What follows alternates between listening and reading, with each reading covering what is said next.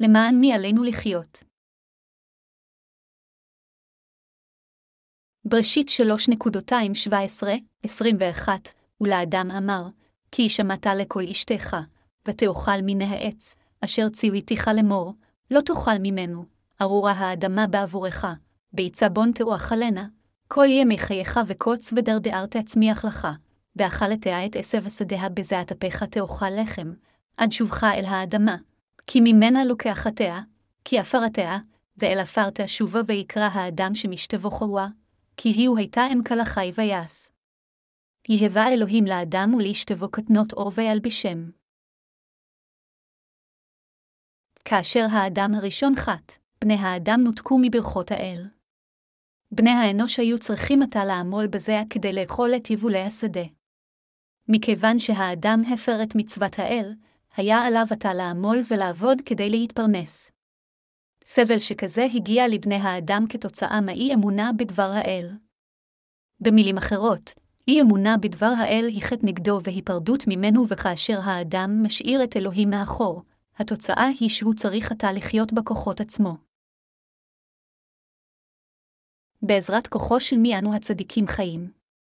בני האדם חיו עם שפע של שגשוג ועם ברכות האל אשר הושגו ללא כל מאמץ. היום האנשים כה רגילים לחיות בכוחות עצמם שקטע זה ככל הנראה אינו מדבר אליהם כל כך. לאחר שהאדם נכשל, הוא החל לשרוד בכוחות עצמו, וכך זה הפך לנורמה המקובלת. בכל אופן, הנורמה במקור לא הייתה שכל אחד יאכל וישרוד בכוחות עצמו, אלא הייתה זו קללת האל. אלה אשר אינם בוטחים בדבר האל אפילו לאחר שנולדו מחדש על ידי האמונה בבשורת המים והרוח חיים בעזרת הכוחות הגשמיים של עצמם. אך מכיוון שהיחסיים של הנולדים מחדש עם האל שוקמו, אז מה שנורמלי מבחינתם זה לחיות עם אלוהים כשהם נהנים מברכותיו. למעשה, לא משנה עד כמה יתאמץ האדם, שום דבר לא יוכל להיות מושג ללא ברכות האל. העיקר יכול לעמול בשדהו במשך שנה, אך בדיוק כאשר הוא אמור לקצור, יכול להגיע שיטפון ולמחוק את היבול. עבודת האדם, במילים אחרות, חייבת להיות מלווה בברכות האל. אלה אשר מנותקים מרצון האל, כל עוד הם לא יעבדו, יגבעו עתה למוות. לרוב האנשים מתקשים לממש את מטרותיהם ויש להם משאבים מועטים לשרת אחרים. אלו החיים הארורים אשר נבעו מכך שלא האמנו בדבר האל ופנינו ממנו. עליכם להבין באופן מלא שהשארת אלוהים מאחור רק תגרום לחיים מקוללים. זה קיצור דרך לקללות להגיד, לא אכפת לי מברכות האל. אינני בנוי לעולם האמונה. אני אצליח בתנאים שלי, אלה אשר עזבו את הכנסייה אפילו לאחר שהאמינו בבשורת המים והרוח, ולאחר הלידה מחדש, הם אכן חיים בקללה. אם האדם אינו יכול לעשות מעשה כלשהו של צדיקות ובכל זאת הוא פשוט מרוצה רק לעמול ובקושי להסתדר, אז חיים שכאלה הם חיים ארורים. חבריי המאמינים, אלה אשר נסחפו הלאה מברכות האלוהים, כל עוד הם לא עמלים, אין להם דבר לאכול. מה אם לא אלו הם חיים מקוללים? אך החוטאים אפילו אינם מבינים שזוהי קללה. הם מקבלים את חייהם המקוללים כעניין שבשגרה. מכיוון שהם כה רגילים לחיות בכוחותיהם הגשמיים, הם פשוט ויתרו על הניסיון לחיות על ידי ביטחון באל. זה כמו היען אשר ויתר על היכולת לעוף. זוהי הסיבה מדוע אלוהים הכליל את היען ברשימת הטמאים, העופות אשר אסורים לאכילה. בראשית 11 ו-16 דקות. אם בני האדם לא יאמינו בדבר האל ובמקום זאת יחיו בכוחות עצמם, הם רק יחזרו להיות קמצוץ אפר כאשר ימותו. בבריאתו מאפר, האדם חי באפר וחוזר לאפר. זוהי האמת אשר נקבעה על ידי האל. כאשר אנו שוקלים האם אלו חיים נורמליים מבחינת אנשים שכמותנו לחיות בכוחות עצמנו, אנו יכולים לראות שזה לא נורמלי כלל. החיים הנורמליים של הנוצרי אלו חיים אשר חיים עם האל למען צדקתו על ידי האמונה בדברו. כתוב, אם יהבה לו בני בית, שאו עמלו בוניו בו, אם אהבה לו איש מרעיר, שאו שקד שומר, תהילים 127.21. אם אלוהים יגרום לנו לעמול, אז נעבוד קשה, אך אנו מקווים שאלוהים ייתן לנו אף יותר ברכות מלבד התוצר של עמלנו, אלו הן ברכות האל.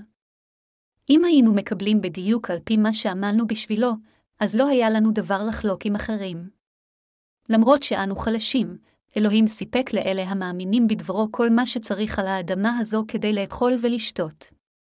בכל אופן, אלה אשר אינם מאמינים באלוהים בקושי יכולים להסתדר למרות שהם עמלים כל כך הרבה. מספר עצום של אנשים חיו ללא אמונה בצדקת האל ומתו לשווא. כאשר עבדתי בחברה, עשיתי בערך 50 דולר ליום והייתי צריך שצרכיי יתקיימו רק ב-50 דולר ליום, אך בקושי נשאר כסף לאחר ששילמתי את השכירות שלי, לאחר שקניתי אוכל ושילמתי את החשבונות. סלגתי מחיים שכאלה. אני, גם, נולדתי מהפר אך תיעבתי חיים כאלה חסרי משמעות. רציתי לחיות בצדקת האל ובברכותיו על פי רצון האל. לכן קיוויתי שאלוהים יאפשר לי לשרת את בשורת המים, והרוח באמצעות כנסייתו. אלוהים אמר שהיכן ששמו של יהיה יוזכר, הוא יברך אותו, והאמנתי שהמשמעות של זה היא שאלוהים יברך היכן שבשורת המים, והרוח תושמע. לכן ליבי השתוקק באמת להיות מסוגל להטיף את הבשורה הזו.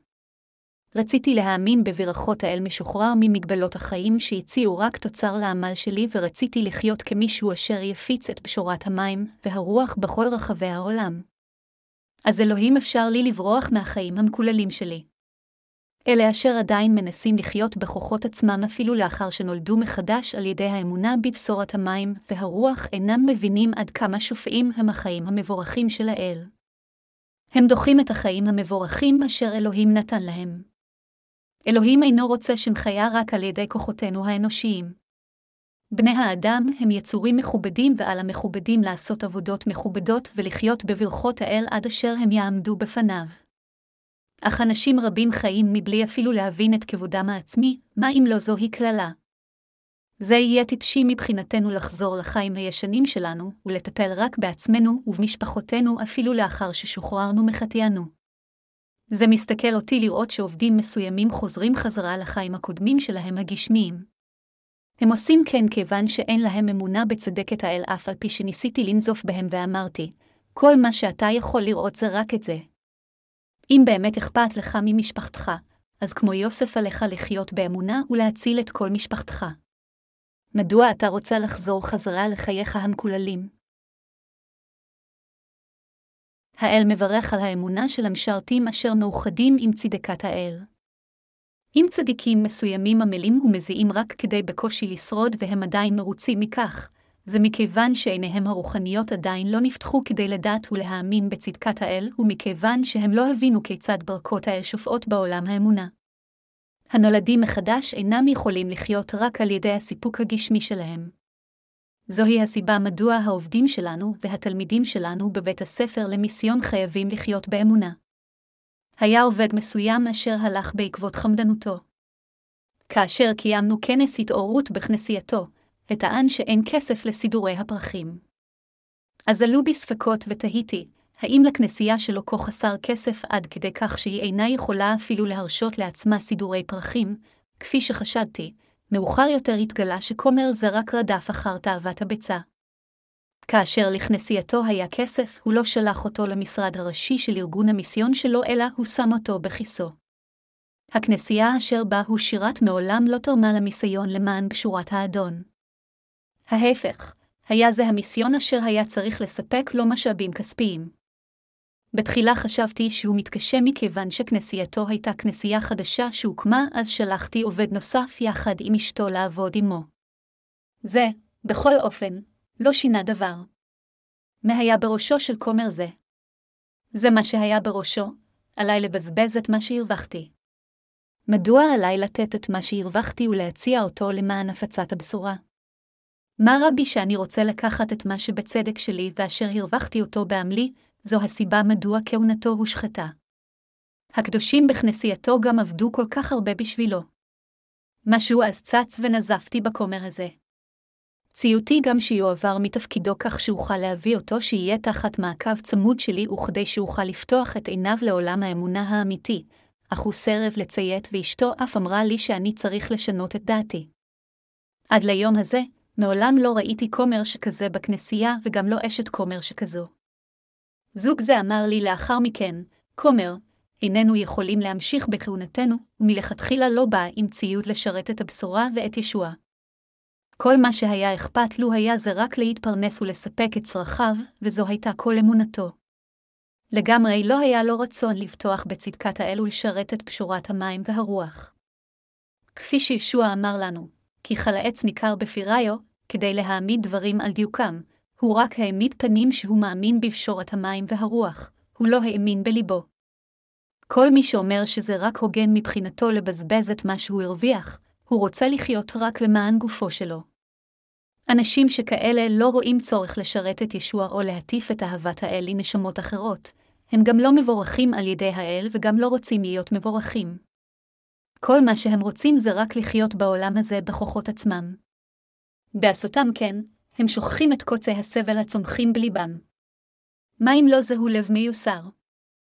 אני מזהיר את כולכם להבין שהניסיון לחיות בכוחות עצמכם הוא הוכחה לחוסר אמונתכם. אלוהים אינו רוצה לקבל שירות מאנשים שכאלה, ואינו רוצה גם לברכם. לפני שהוטלה כללת האל, לאדם לא היה צורך לאבד את גן עדן. מכיוון שאלוהים סיפק לאדם פירות טבעיים, כל מה שהיה עליו לעשות זה רק לאוכלם. בכל אופן, בגלל חטאו, האדם צריך עתה לחרוש את שדהו, לזרוע את הזרעים, לזבל את האדמה, לקצור את היבול ורק אז הוא יוכל לאכול את עמלו. יותר מכך, העבודה המפרכת הזו צריכה לחזור שוב מההתחלה, ואותה עבודה מפרכת ממשיכה כל הדרך עד לימים אלו. אתם ואני חייבים עתה להאמין בליבנו בדבר האל אשר בא על ידי בשורת המים והרוח. אנו חייבים גם לחדש את ליבנו. כל מי שמנסה לחיות בכוחות עצמו הוא כזה אשר אינו מאמין בצדקת האל. וכל מי שאינו מעין בדבר האל הוא כזה אשר עושה חטא גדול לפני האל. התנ"ך אומר, וכלה הנעשה של מאמונה חת הוא, אל הרומים 14-23. אנו חייבים לחזור חזרה ממחשבותינו הגשמיות. עלינו לחיות בדרך צרת מוחין שלנו. ההפך, עלינו לחיות על ידי אמונתנו, להאמין בצדקת האל ובכוחו. פאולוס השליח התוודה, את כל אוכל בעזרת המשיח הנותן לי כוח, פעמים ארבע ושלוש עשרה דקות. עלינו לחיות לפני האל על ידי האמונה בכוח צדקתו ולקבל את ברכותיו, ולא על ידי שנבטח בכוח הגשמי שלנו. כיצד יכול מישהו אשר נולד מחדש על ידי המים והרוח לחזור אל הוריו או אחיו למצב הקודם של חייו הישנים? אם ברצוננו לשרת את הוריו או אחינו, אז עלינו לחיות בעולם האמונה, להאמין בצדקת האל. על ידי החיים באמונה שלנו, אנו חייבים להוביל את משפחותינו שגם הם יבשו מהחטא. אם נוותר על לשרת את ישוע, אנו נהרוג את משפחותינו, גם בגוף וגם ברוח. זוהי הסיבה מדוע אנו חייבים ללכת אחר צדקת האלוהים.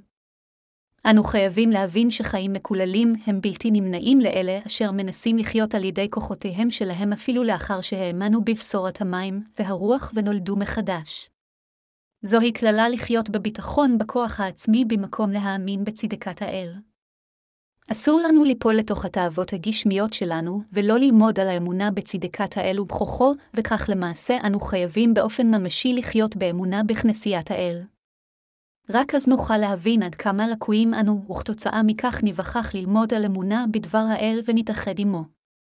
כל מי שנולד מחדש חייב לשרת את הבשורה באופן ממשי בכנסיית האל. אתם ואני מאמינים בבשורת המים והרוח, אנו נולדנו מחדש ואנו קיבלנו את ליבנו לחיות כעובדי האל. האם אם כן תחיו רק על ידי כוחכם הגשמי? לא. כאשר אנו מאמינים בדבר האל, משרתים את הבשורה מאוחדים עם כנסייתו וחיים תחת ריבונותו על ידי האמונה, אנו מבורכים. אנו חייבים לקבע את ליבנו לחיות על ידי האמונה שלנו בצדקת האל. כל ימי חיינו בעולם הזה מכילים רק עמל וצער, תהילים 90.210. בני האדם עומדים לחזור לאפר. האם אתם חושבים שיש משהו כביר בחיי בני האדם? אנו לא יותר מאשר קומץ של אפר כאשר אנו מתים. האם ראיתם כבשן לשרפת גופות? כאשר כל גופנו נשרף, כל מה שנשאר הוא קומץ אפר. אנו יכולים לעבוד למוות, אך מה יישאר מאיתנו בסוף? אנו רק נחזור להיות קומץ של אפר. כפי שאלוהים אמר, מהפר בת ואל עופר תשוב, עלינו להבין איזה סוג של חיים הם חיים מקוללים אשר ירדו עלינו, ובמקום לחיות את החיים המקוללים האלו, עלינו לחיות על ידי האמונה בצדקת האל. אלוהים אפשר לאדם לקרוא לאשתו חווה ועשה אותה להם כל חי. בשביל אדם וחווה אלוהים עשה כותנות אור והלביש אותם בהן. זה מרמז שאלוהים הושיע את בני האנוש והלביש אותם עם חיים חדשים. בעשותו כן, אלוהים אפשר להם לחיות בזקיפות קומה, ברך אותם וחידש ושיקם אותם. אך למרות זאת, אם נחיה רק על ידי כוחותינו אפילו לאחר שנולדנו מחדש, מה עוד זה יכול להיות מלבד קללה? כאשר אלוהים הכשיר את כל ברכותינו ואמר לנו רק להאמין, לא להאמין בכך ולחיות רק על ידי כוחנו, זה לא יותר מאשר קללה. חיים באמונה הם חיים מבורכים. זה כה ברור.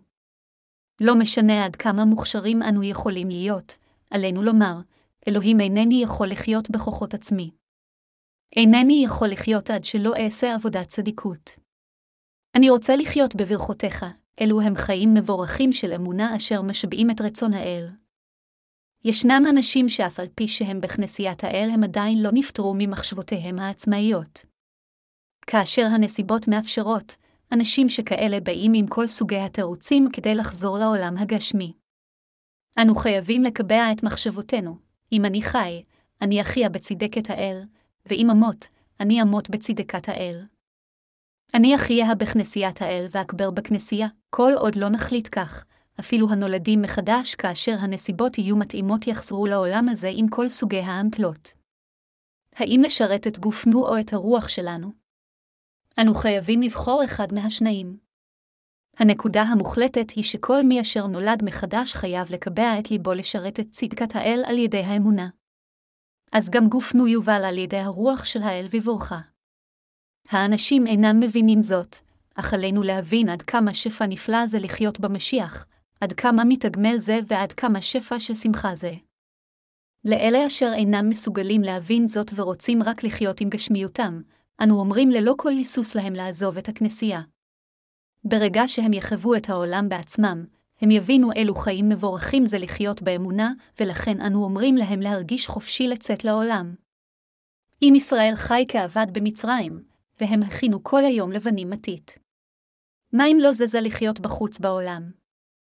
כאשר הנולדים מחדש רוצים רק לשרת את גופם במקום לשרת את צדקת האל, אשר היא דבר האל, הם עומדים כנגד האל, ולכן, החיים שלהם הם חיי סבל ומדון אשר מקוללים על ידי האל. לכן אנו חייבים להבין אילו חיים מבורכים הם החיים עם אלוהים בכנסייתו.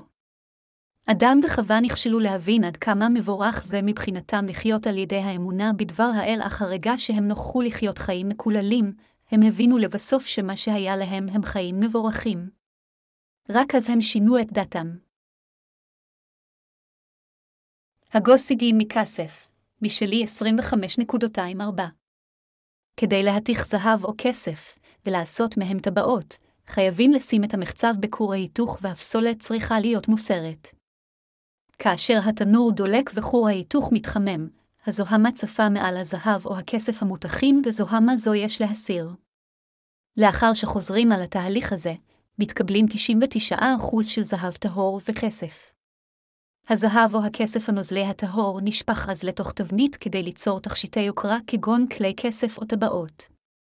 כדי שאתם ואני נהפוך לשמישים על ידי האל, הזוהמה חייבת להיות מוסרת מליבנו. בליבנו חייבת להיות אמונה טהורה המאמינה לחלוטין בדבר האל.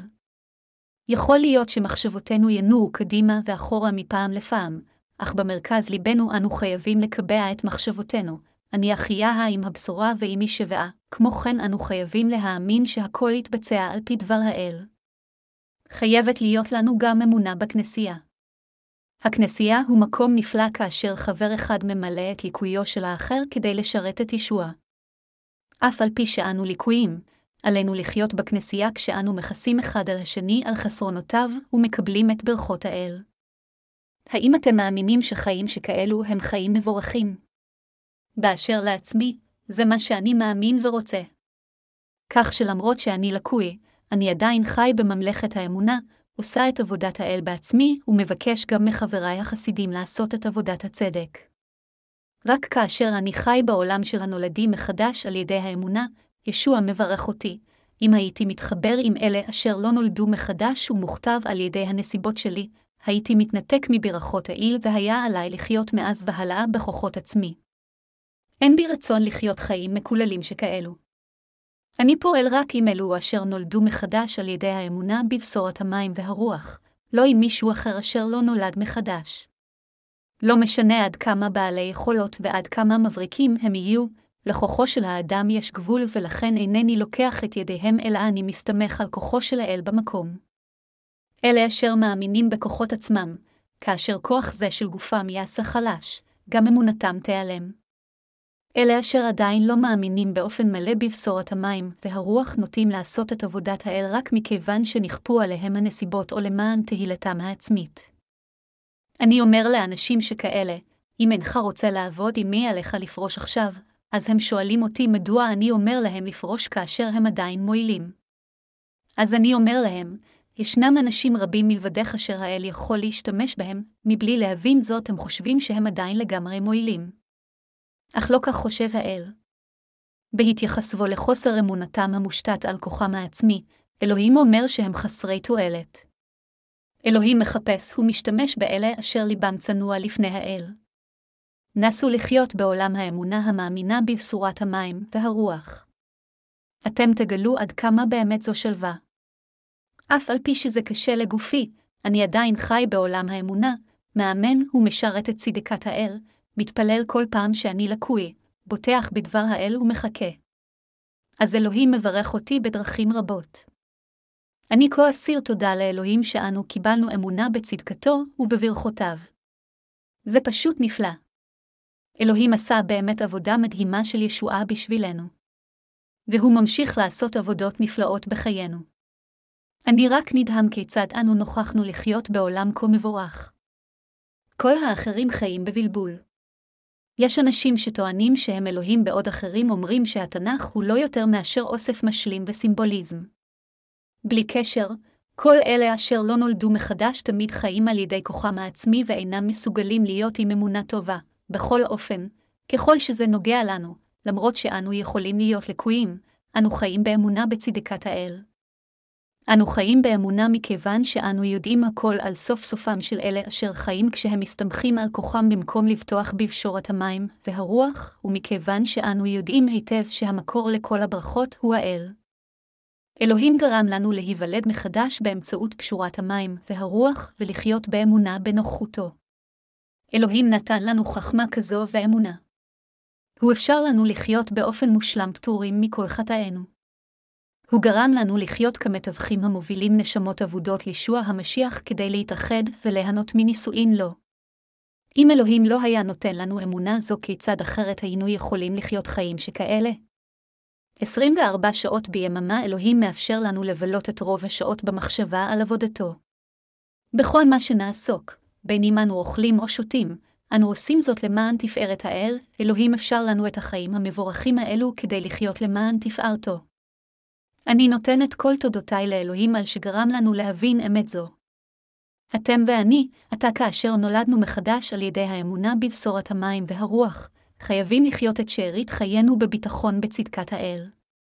בעשותנו כך, אנו חייבים לעזור לאלה אשר אינם יודעים את פשורת המים הרוח להיוולד מחדש, ואנו חייבים להוביל אותם לחיים מבורכים. אפילו אם היה לנו רק יום אחד לחיות, עלינו לחיות למען צדקת האל. אם חיינו יהיו חיים רק למען הגשמיות שלנו, אז גם אנו יכולים לוותר עכשיו. אינני מציע כאן שאלה אשר לא נולדו מחדש צריכים למות מיד. מה שאני מתכוון זה שבני האדם חייבים לחיות חיים משתלמים. לאחר שאנו נולדים, כולנו חייבים להתבגר, לחלות ולבסוף למות בסופו של דבר, בין אם נאהב זאת או לא. מהו, אם כן, הצורך להאריך את חיים ללא משמעות עד אשר נזדקן ונמתין למוות. אם הדרך בה אנו חיים את חיינו היא חסרת תועלת, אז יותר טוב לנו לחזור חזרה בהקדם האפשרי ולחיות חיים משתלמים. מה יש לחיים אחרים מלבד מאשר לרדוף אחרי תענוגות הבשר? בכל אופן, המלך שלמה הסיק מסקנה שחיפוש אחר העושר של הבשר זה הכל חסר תועלת. כל יום, אנשים צריכים לקום מוקדם בבוקר, ללכת לעבודה, לחזור חזרה הביתה, לקום שוב בבוקר למחרת ואז לחזור שוב ושוב על אותו הדבר. הם יכולים ללכת לחופשה כמה פעמים בשנה, אך ברגע שהם חוזרים, הם שוב מוצאים את עצמם ברוטינה של עבודה, הולכים סביב סביב על הגלגל מסתובבים כמו עכבר רק כדי שיכפו עליהם לצאת לפנסיה מוקדמת ולחכות למוות. האם זה כל מה שהחיים הם, הם זה לא יותר מידע חסר משמעות. בכל אופן, חיים חסרי משמעות שכאלו הם לא מה שאלוהים נתן לנו, אלא הוא נתן לנו חיים חדשים, חיים שהם הרבה יותר משתלמים. במילים אחרות, אלוהים אפשר לנו לחיות חיים מבורכים. אלוהים נתן לנו חיים מבורכים. באמצעות דבר האל ועל ידי שאפשר לנו לטעום את מרירות החיים, אלוהים אפשר לנו להבין את ריקנות החיים ואת סופם חסר הערך. ללא דבר האל, כיצד עוד היינו מכירים סוף שכזה מראש וכיצד היינו יכולים להאמין בבשורת המים והרוח, דבר האל המבורך? האם פילוסופיה מעשה אדם גורמת לבני האדם להיות אציליים? האם המדע גורם לחיי בני האדם להיות מבורכים? לא. רק אלוהים גורם לחיינו להיות מבורכים.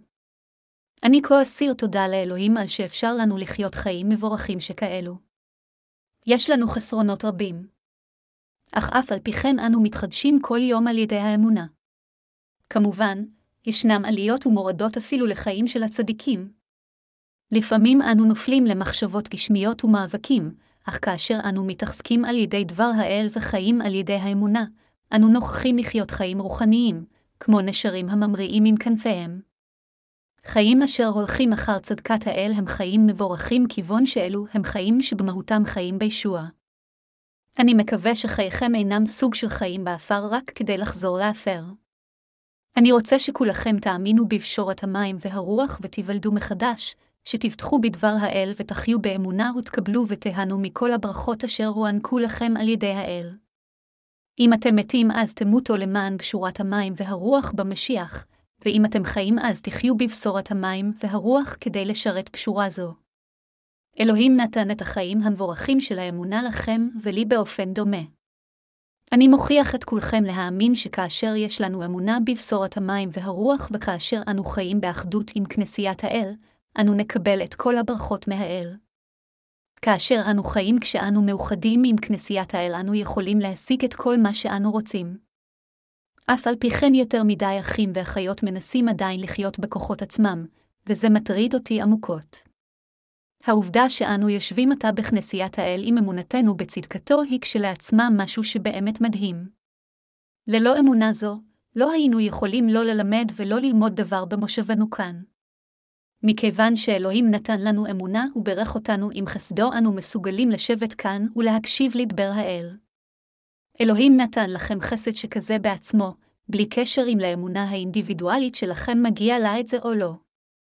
במדינתי, דרום קוריאה, כאשר צעיר מגיע לגיל 20 הוא צריך לעבור בחינה פיזית, בתוך שנה הוא מגויס לשירות צבאי.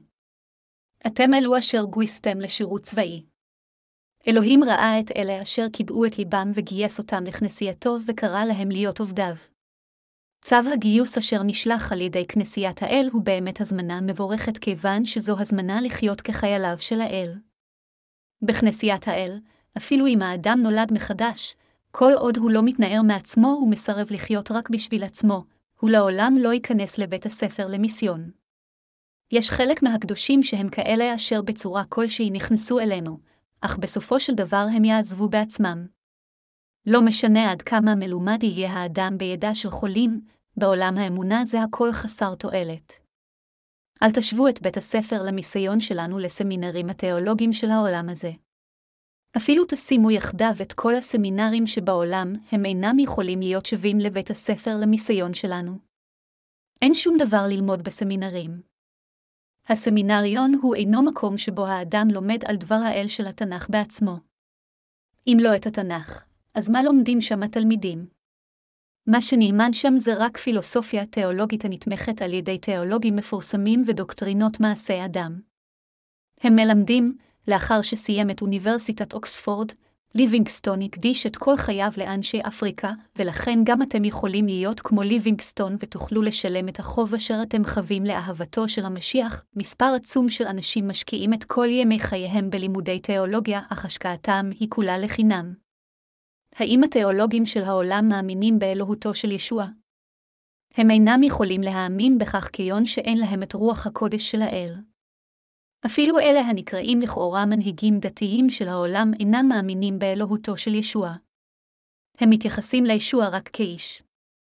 זו מה שתיאולוגיה היא, מי הם התיאולוגים המפורסמים ביותר. מהי נקודת המבט שלהם על הישועה? כיצד קלווין האמין בישוע המשיח ומה לוותר אמר. זה כל מה שהם לומדים. התלמידים שמים בצד את התנ"ך ולומדים מספרי לימוד כגון תיאולוגיה שיטתית, מבוא לברית החדשה, ומבוא לברית הישנה, כל מה שתלמיד צריך כדי להרוויח נקודות זה ללמוד קצת עברית ויוונית ולהגיש לכל קורס קצת עבודות. האם למדתם על בראשית אחת נקודותיים אחת בסמינריון? אינכם יכולים ללמוד על האמת אשר פרק אחת בבראשית מדבר עליו, כיון שאמת זו אינה נלמדת בסמינריון. יותר מכך, הסמינריון אינו יכול אפילו לשרטט את קווי המתאר של התנ"ך, אפילו התלמידים בעצמם גם אינם מבקשים ללמוד. כאשר ראיינו אותי לקבלה לסמינריון, הפרופסור בריאיון שאל אותי, מדוע אתה רוצה להתקבל לסמינריון שלנו? אז אמרתי לו, ברצוני ללמוד על התנ"ך, אז הפרופסור שראיין אמר לי שהתשובה שלי שגויה. הוא אמר, זה לא המקום בשביל זה. זהו מוסד המטפח כמרים, במהות. הוא לימד אותי את התשובה הנכונה ואמר לי, סמינריון הוא מקום שבו הופכים לכמרים. אז הוא שוב שאל אותי ועברתי את הריאיון על ידי שעניתי לו על תשובתו. הוא גם שאל אותי, האם יש לך ספונסר? אם כן, האם הספונסר שלך מהימן? אז אמרתי לו, אמא שלי היא הראש של בית התפילה של הזרם שלנו, ובהתבססות על המשפט היחידי הזה התקבלתי לסמינר. האוונגליסט ההם, אשר היה אחד מתלמידינו בבית הספר למיסיון, נרשם לפני כן לסמינריון בפטיסטי וצדקתו הופרה פעמים רבות במשך ימיו בבית הספר למיסיון. אמרתי לו, יכול להיות שיש בך גאווה מסוימת על שהיית בסמינריון, אך זה שום דבר. מה שלמדת בסמינריון זה אפילו לא מתקרב לבסיס של האמת. רק על ידי הידע על אילו תיאולוגים תמכו באילו דעות תיאולוגיות לא תוכל לסיים את בית הספר למיסיון שלנו. עליך להיות עם אמונה בדברי כתבי הקודש. רק אז תוכל לעבור, בית הספר למיסיון של כנסיית האל, הוא אינו מקום המלמד כישורים לכמורי או הבנות פילוסופיות, אלא הוא מקום שבו האדם לומר את האמונה בליבו. אלוהים נתן לנו ברכות נפלאות. הוא נתן לנו את הכנסייה, את בית הספר למיסיון וגם מקום לעבוד. הברכות של אדונינו הן נפלאות.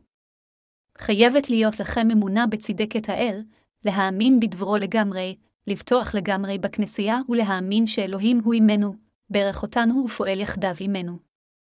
אמונה שכזו חייבת להיות בליבכם. אתם חייבים לדעת מה אלוהים עשה באמצעות כנסייתו ומה הוא אמר לכנסייה. אתם חייבים להבין שרוח הקודש בעצמה מדריכה אתכם באופן אישי, מלמדת אתכם ומטהרת אתכם. אתם חייבים גם לדעת שרוח הקודש שאינה נראית בעינכם פועלת עתה בחייכם. אם ברצונכם להתפאר באלוהים, אתם חייבים לנהוג כך. אני אומר לתלמידים העתידיים של בית הספר למיסיון, אלה אשר אינם מאמינים בבשורת המים והרוח אינם מסומכים לבוא אל בית הספר למיסיון. אלה אשר יש חטא בליבם אינם יכולים לבוא לבית הספר למיסיון. אפילו אם הם יתקבלו, הם כולם ייפלטו החוצה בעצמם. אף על פי שאיננו כופים שום הגבלה ואנו רק מלמדים את התנ"ך כפי שהוא, הם עדיין לא יוכלו לאמץ זאת ובסופו של דבר ייפלטו החוצה. זה לגמרי מדהים. חברי המאמינים, ברגע שאנו נולדים מחדש על ידי האמונה בבשורת המים והרוח, אנו חייבים לחיות חיים מבורכים בכנסיית האל על ידי שנשים את אמונתנו בצדקת האל,